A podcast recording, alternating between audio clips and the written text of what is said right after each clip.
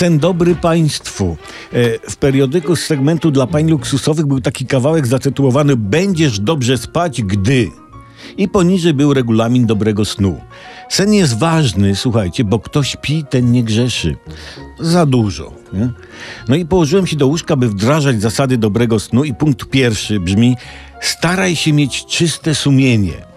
No to wyskoczyłem na klatkę i wytrzepałem sąsiadowi wycieraczkę spod drzwi, w którą wcześniej wytarłem buty. Nie? Okej, sumienie czyste. I teraz tak, punkt drugi. Odrzuć od siebie wszystkie troski. No to ja zacząłem myśleć w poszukiwaniu jakichś trosek, nie? Żeby je odrzucić, nie?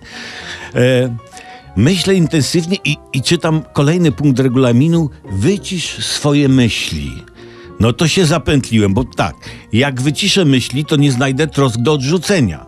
A jak nie odrzucę trosk, to nie wyciszę myśli. Nie? No w końcu znalazłem troski. No za dużo ludzi jeszcze nie siedzi.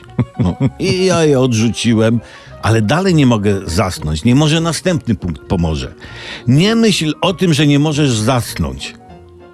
Kurczę, no to dało mi to do myślenia, że nie mogę zasnąć. I tak myślałem o tym, żeby nie myśleć, że nie mogę zasnąć, że nie mogłem nie myśleć, że nie mogę zasnąć. No, to przeczytałem ostatni punkt. Nie staraj się zasnąć na siłę.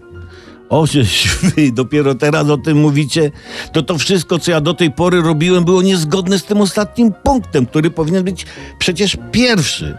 No to wziąłem, słuchajcie, buty, wyszedłem na klatkę, wytarłem je o wycieraczkę sąsiada i z czystym sumieniem zasnąłem.